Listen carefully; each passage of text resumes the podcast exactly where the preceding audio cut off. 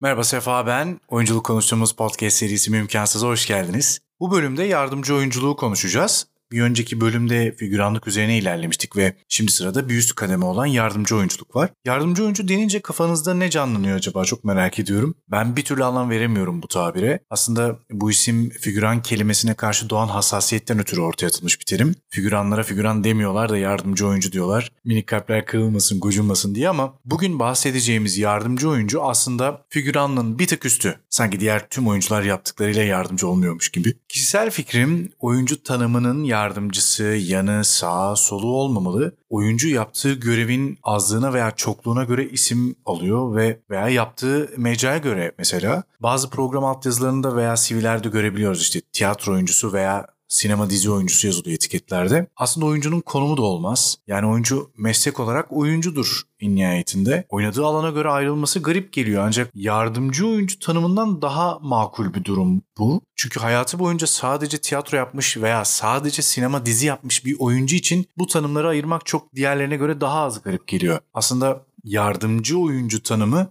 işte genelde festivallerde ödül törenlerinde duyuyorsunuzdur. En iyi yardımcı erkek oyuncu veya en iyi yardımcı kadın oyuncu gibi yani başrolden sonra gelen ikinci veya üçüncü kişi veya yan karakterler olarak da adlandırılır. Ama bugün konuşacağımız yardımcı oyuncu bu konum değil. Bugün geçen bölümlerde konuştuğumuz figüranlık deneyiminin bir tık yukarı taşıyacağımız yardımcı oyunculuğu konuşacağız. Yani artık biraz biraz ufak ufak ekranlara çıkmaya başlıyorsunuz. Şimdi ajansınızla 50-60 diziye figüran gittiniz ve artık setleri, set ortamlarını fazlasıyla tanıyor hale geldiniz. Sizden çok şey istenmemişti şimdiye kadar ancak şimdi yavaş yavaş bazı taleplerle gelmeye başlayacaklar. Artık kayıtlı olduğunuz ajanstaki kişi sizin profilinizden set sayınızı ve gittiğiniz setleri gördüğü için size tecrübeli gözüyle bakacak. Şimdi bir veya iki kelimelik işte belki bir cümlelik işlere gitmeye hazır görüyorlar sizi. Burası bu aşama inanılmaz heyecanlı. Yani gerçekten öyle böyle bir durum değil ama işte birlikte bu heyecanımızı kontrol etmeyi öğreneceğiz. Bir gün akşam evde oturuyorsunuz ve telefonunuz çalıyor. Arayan kayıtlı olduğunuz ajanstan sorumlu kişi. Size diyor ki yarın müsait misin? Sanki buluşma ayarlayacakmış gibi. Müsaitim dediniz. Ondan sonra diyelim ki işte menajerimi ara dizisinde sekreter rolü var ve size işin bütçesini söyleyecek. İşte 10 lira 20 lira neyse. Eğer kabul ederseniz ve ertesi gün müsaitseniz sizi sunacak. Sunduktan sonra eğer fotoğraflarınızdan onaylanırsanız sizden minik bir audition isteyecekler. Audition deneme çekimi. İşte ilk audition deneyiminiz böylece hayırlı olsun. Eğer daha önce audition hakkında bir fikriniz yoksa muhtemelen sunum yapacak kişiye ya ben onu nasıl çekeceğim diye bir soru soracaksınız. İlerleyen bölümlerde tek başınıza nasıl audition çekebileceğiniz teknik unsurları da içinde barındıracak şekilde anlatıyor olacağım. Evet devam edelim. Size metni attılar ve tek kelimelik repliğiniz var. Diyelim ki Hoş geldiniz Crash Bey diyeceksiniz mesela. Eğer diziyi izlemediyseniz ve hiçbir fikriniz yoksa, zamanınız da kısıtlıysa sizin oynayacağınız bölümü öğrendikten sonra dizinin yayınlanmış son bölümüne biraz göz gezdirip fikir edinmekte fayda var diye düşünüyorum. Neden mi? Yardımcı oyuncuyken en büyük gözlemlediğim şeylerden biri bu replikleri ve sayıları küçümseyen insanlardı. Çünkü oyuncu bir kelime konuşmaz değil mi? Hani oyuncu çok repliği olan kişiye denir değil mi? Eğer böyle düşünüyorsanız ve o bir repliğe bile önem vermiyorsanız muhtemelen yıllarca patinaj çekecek ya da belli bir süre sonra pes edeceksiniz. Peki hoş geldiniz Kıraç Bey repliği nasıl önemli olabilir ki? Sonuçta bir cümlem var ve onunla oyunculuğumuzu gösteremeyiz ki gibi düşünebilirsiniz. Ama yanılıyorsunuz. Hadi gelin birlikte düşünerek nasıl önemli olduğunu ve hikayede neleri değiştirebileceğini görelim. Menajerimi Ara dizisindeki Ego Ajans'ta bir sahne çekiliyor. İşte sahne gereği Kıraç Bey'in arkasından iş çevriliyor. Siz de sekreter olarak o sahnede sadece duruyorsunuz ve ekranda sadece ara ara bakışınızı görüyoruz. Yani sahnede figüransınız ancak içinde bulunduğunuz sahnedeki tüm konuşmalara şahit oldunuz ve dinlediniz. Dolayısıyla senaryo gereği sekreter olarak Kıraç Bey'in arkasından çevrilen işleri biliyor musunuz şu an? Biliyorsunuz. Şimdi burayı kurgulayalım. Diyelim ki Kıraç Bey senaryo gereği Ego Ajans'a şüphe içinde geliyor. Ero geldiğinde daha tedirgin bir şekilde hoş geldiniz Kıraç Bey der ve oyun verirseniz seyircideki şüpheyi ve merakı arttırırsınız. Ancak soğuk buzdolabı gibi bir şekilde söylerseniz tamamen yanlış oynamış olursunuz. Kıraç Bey şüpheleniyor ama çaktırmıyorsa ve siz de eğer çaktırır gibi hoş geldiniz Kıraç Bey derseniz sizden şüphelenmeye başlayarak bir şeyleri iyice tetiklemiş olacak. Bu da başka bir seçenek olmuş olacak. Gördüğünüz gibi bir iki kelimenin aslında senaryoda ne kadar önemli yer edinebileceğini ve gidişatla alakalı fikir verebileceğini görüyoruz. Senaryoya asla gereksiz bir şey yazılmaz arkadaşlar. Bir cümle oraya yazılmışsa mutlaka bir anlamı ve böyle işe yarar bir durumu vardır. Siz ondaki fırsatı görüp değerlendirirseniz harika bir yere götürebilirsiniz. Mesela bu olumlu bir örnekti. Bir de bunun tam tersi felaket örneği var. Diyelim ki hastanede hemşire rolü verdiler ve yine repliğiniz hoş geldiniz olsun. Şimdi diziden, oyunculardan, hikayeden bir habersiniz diyelim. Sete gittiniz, lafınızı verdiler, kamera karşısına geçtiniz. Hasta yakın hastaneye geliyor yoğun bakımdaki hastasını görmek için.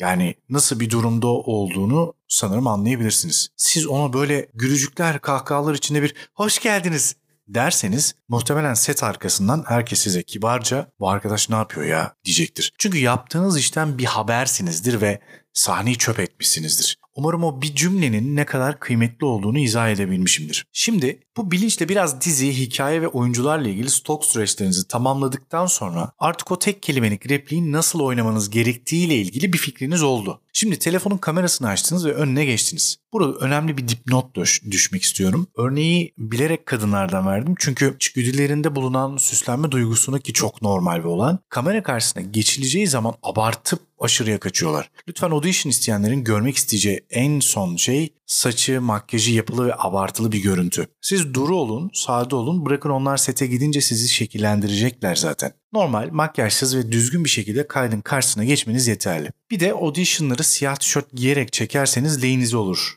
Sade, yazısız, düz siyah bir tişört. Evet, hazırız. Ve kayıt. Oyununuzu çektiniz ve arkadaşınıza gönderdiniz. Göndermekte çok da geç kalmayın. Sizden önce gönderen başka bir arkadaş çoktan seçilmiş olabilir sizin yerinize. Biraz hız da önemli bu işte. Oyununuzu gönderdiniz ve okeylendiğine dair bir geri dönüş aldınız. Şimdi size önemli bir tüyo daha. Gideceğiniz seti, gideceğiniz günü, hangi rol için gideceğinizi ve bütçenin miktarını yazıp sorumlu arkadaşa bu şekilde doğru değil mi? Doğru anlıyorum. Yazılı bir mesaj göndermeniz ve o da size muhtemelen evet aynen bu şekilde gibi şeylerle cevap ver, cevaplayacaktır. Bu mesajı paranız banka hesabınıza yatana kadar saklı tutun. Asla telefon konuşmalarında kalmasın konuştuklarınız. Sonra aybaşı ödeme zamanı geldiğinde söylediği bütçeyi inkar et. Daha aşağıda olduğunu iddia eden arkadaşlarla karşılaştım çünkü. Herkes böyle değil tabii ama siz mutlaka önleminizi alın. Bir şey kaybetmezsiniz. Hem görevinizi doğru anlayıp anlamadığınızı teyit etmiş oluyorsunuz. Hem de nezaketle kayıt tutmuş oluyorsunuz. Söz verilenden eksik ödeme aldığınızda muhasebe departmanına mesajlarla başvurup hakkınızı alabilirsiniz. Neyse bunlar başka bir bölümün başka bir başlığının konusu detaylı olarak anlatacağım zaten. Evet onaylandınız ve sabah sete gideceksiniz. Sizden sahneniz için kostüm isteyecekler. Bakın burası çok önemli.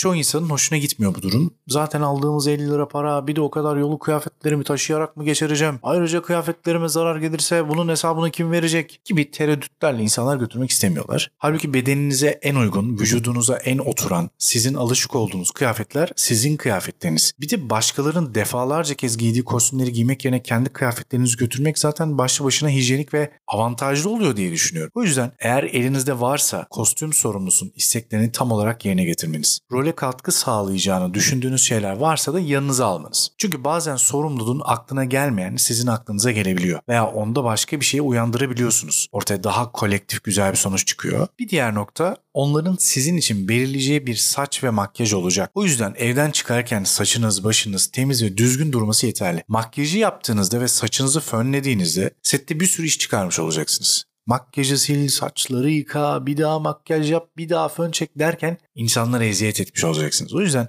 makyajsız ve şekil verme hazırlıklı normal bir saçla sete gitmek çok önemli. Her şey tamam. Artık settesiniz. Sizin için alınmış poğaça ve simitlerle ve sıcak bir çayla kahvaltınızı yaptınız. Önce reji sizi alıp kostüme götürüyor ve sizin getirdiklerinizle birlikte nihai kostümü belirleyip giymenizi istiyor. İşte en sevdiğim yer burası. Reji karşıdakinin bazen insan olduğunu unutuyor. Şurada köşede değiştir diyenler mi dersiniz? Tuvaletlerde değiştiren diyen mi? Yoksa 14 artı bir koltuklu servislerde değiştirin diyen mi? Kostümlerinizi böyle yerlerde değiştiriyorsunuz ve muhtemelen kırışıyor. Kırıştığı için de ütülemek zorunda kalan kostüm sorumlusundan bir de fırça yiyorsunuz üzerine. yani hani yukarı tükürsem bıyık aşağı tükürsem sakal durum var ya aynen öyle. Ancak henüz bir yardımcı oyuncu için karavanda kostüm değiştirmek biraz imkansız. Bunun iki sebebi oluyor. Ya karavan ana kadro oyuncuları ayrıldığı için oyuncular böyle bir şey istemiyorlar ya da oyunculardan bağımsız ekip böyle bir izni vermiyor. Halbuki oraya bir kaşe üzerinden anlaşmış ve oyunculuk görevini icra etmek için gitmiş olan her kişi için bu basit soyunma ve giyinme bir haktır diye düşünüyorum. İnsanları arabalarda, servislerde, tuvaletlerde, sıkış tepiş mekanlarda kostüm değiştirmeye mecbur bırakmak doğru değil ama maalesef böyle. Söylüyorum ki gittiğinizde yadırgamayın diye. Yani bu size özel yapılan bir tutum değil. Herkese özel de değil. Herkese uygulanan bir durum bu. Ya bazen bunları anlatırken şu geliyor aklıma. Dışarıdan inanılmaz şaşalı ve harika gelmesi ama böyle arka planda çekilen sefillik hatta çoğu işten daha beter durumlara düşüyor olmak ve insanların tecrübe eder etmez yapılmaz abi bu iş ya rezillik resmen bu ne abi ya dediği durumlar ve en nihayetinde tam bir deli işi olduğunu gösteriyor. Böyle durumlarda çok gülüyorum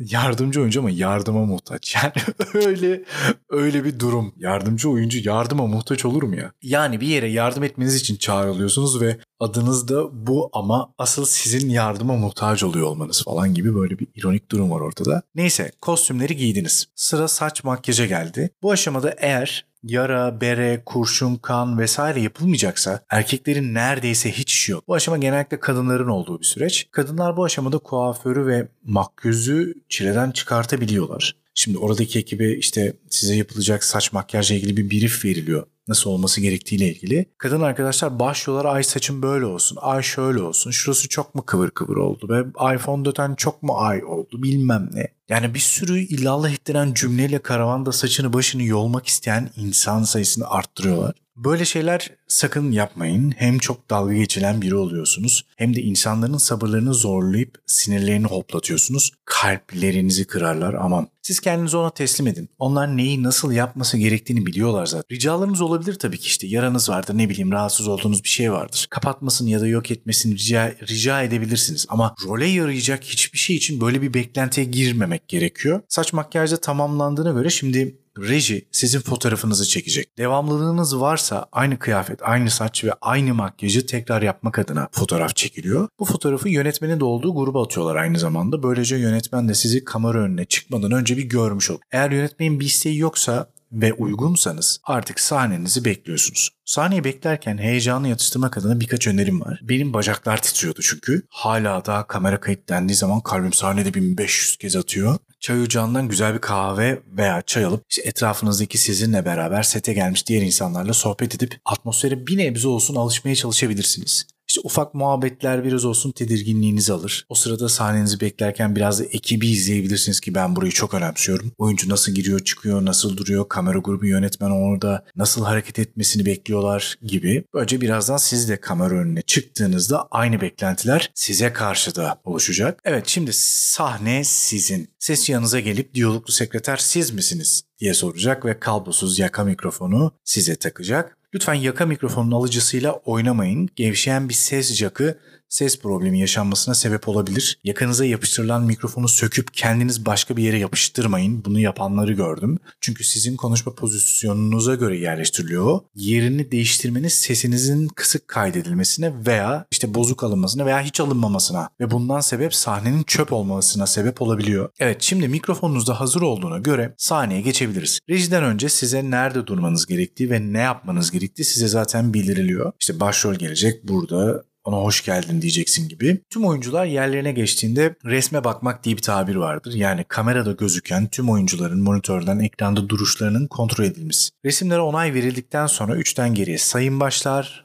ve oyun işte adrenalinin bir anda tepeye çıktı. İnanılmaz bir heyecan veren o an. Adrenalin gerçekten müthiş bir hormon. Sizi acil bir harekete hazırlıyor. O duyguyla işi berbat da edebilirsiniz veya mükemmel de çıkarabilirsiniz. Aşırı heyecandan çok kötü oynadığım işler de oldu. Çok iyi oynadıklarım da. Adrenalin tam bir bağımlılık. Ha bu arada e, başrol yanınıza geldiğinde sıcak bir merhaba nasılsınız sorusu hoş ve tatlı duracaktır. Şak diye telefonu çıkarıp fotoğraf çekilmeye çalış, çalışmayın lütfen. E, iş yaparken bu çok rahatsız edici oluyor. Selamınızı yanıtlamazsa moralinizi bozup oyunu kötü vermeyin. Sonuçta şunu iyi bilin ki siz iyi oynarsanız o sahne sizin de işinize, oyunculuğunuza yarar karşı tarafta ukala ve egolu olmakla suçlamayın. Öyleyse öyle biri de olabilir ve bunun sebebi siz değilsiniz. Bazı oyuncular yardımcı oyuncularla işçi dışlı olmayı sevmez. Bunun sebebi kişisel egolar da olabilir. İş prensipleri çerçevesinde de öyle davranabilir veya biriyle samimiyet kurarsa hepsiyle birlikte samimiyet kuramayacağından dolayı kitlesel hareketten çekiniyor olabilir. Bu yüzden siz size düşen nezaketi yerine getirdikten sonra işinize ve oyununuza konsantre olun. Şimdi ilk tekrar Kameralar geniş açıda. Önce genel plan çekiliyor. Yani tüm mekanı, olayı, insanları daha geniş gördüğümüz resim. Bu ilk tekrarı başarıyla oynadım. Burada yüzler pek gözükmediğinden vücut, hareket, vücut hareketleri, yürüyüşler, atmosferler gibi durumlar öncelikli bu planda. Şimdi aynı sahneyi aynı yerden, aynı anda, aynı şekilde ve aynı laflarla bir daha oynayacaksınız. Bu sefer yakın planlar çekilecek. Yakınlarda kamera net bir şekilde yüzünüzü çektiği için oyununuzun performansınızın en üst seviyede olması gereken planlar bunlar. Geniş plandaki bir hata yakın plandakine göre daha telafi edilebilir. Şimdi kamera ekibi size yeni durmanız gereken yerleri söyleyecek ve sizi markerlarla tanıştıracak. Marker ne mi? Marker kameranın yüzünüzü netlemesi için hareketinizle beraber gelip durmanız gereken noktayı gösteren eşya. Marker'ın olduğu yerin bir adım gerisi veya ilerisinde durursanız kamera sizi netleyemez. Dolayısıyla çok önemli. Ancak marker'da durmak için oyun dendiğinde aşağıya bakıp kontrol etmeyin hareketinizi. Yani vitesi değiştirirken vitese bakmak gibi gereksiz bir hareket olmuş oluyor o zaman. Oyununuzu ve konsantrasyonunuzu bozar. Şimdi tekrar hazırsınız. Bir önceki planda nasıl oynadıysanız aynı şekilde tekrar en baştan bir daha oynayacaksınız. license. Kayıtla beraber bir adım geriden cümlesini duyduğunuzda gelip durmanız gereken yerden bir adım geriye gidip kayıt oyun kelimesini duyduğunuzda bir adım atarak aynı yere geri gelmenizi istiyorlar demektir. Şimdi artık kamerada netsiniz ve lafınızı söyleyebilirsiniz. Kestik tamamdı bu. Lafını duyduysanız oyununuz ve çekilen planlar sorunsuz tamamlandı demektir. Geçmiş olsun. İlk yardımseverliğinizi gösterdiğiniz yardımcı oyunculuk deneyiminizi tamamladınız. Ha bu arada lütfen gittiğiniz bölümün kaçıncı bölümü olduğunu sormayı unutmayın. Gelecek bölümde bunu neden sorduğumu anlatacağım. Türkiye'nin ilk ve tek oyunculuk podcast'i Mümkansız'ın yeni bölümünü dinlediniz. Bir sonraki bölümde görüşmek üzere.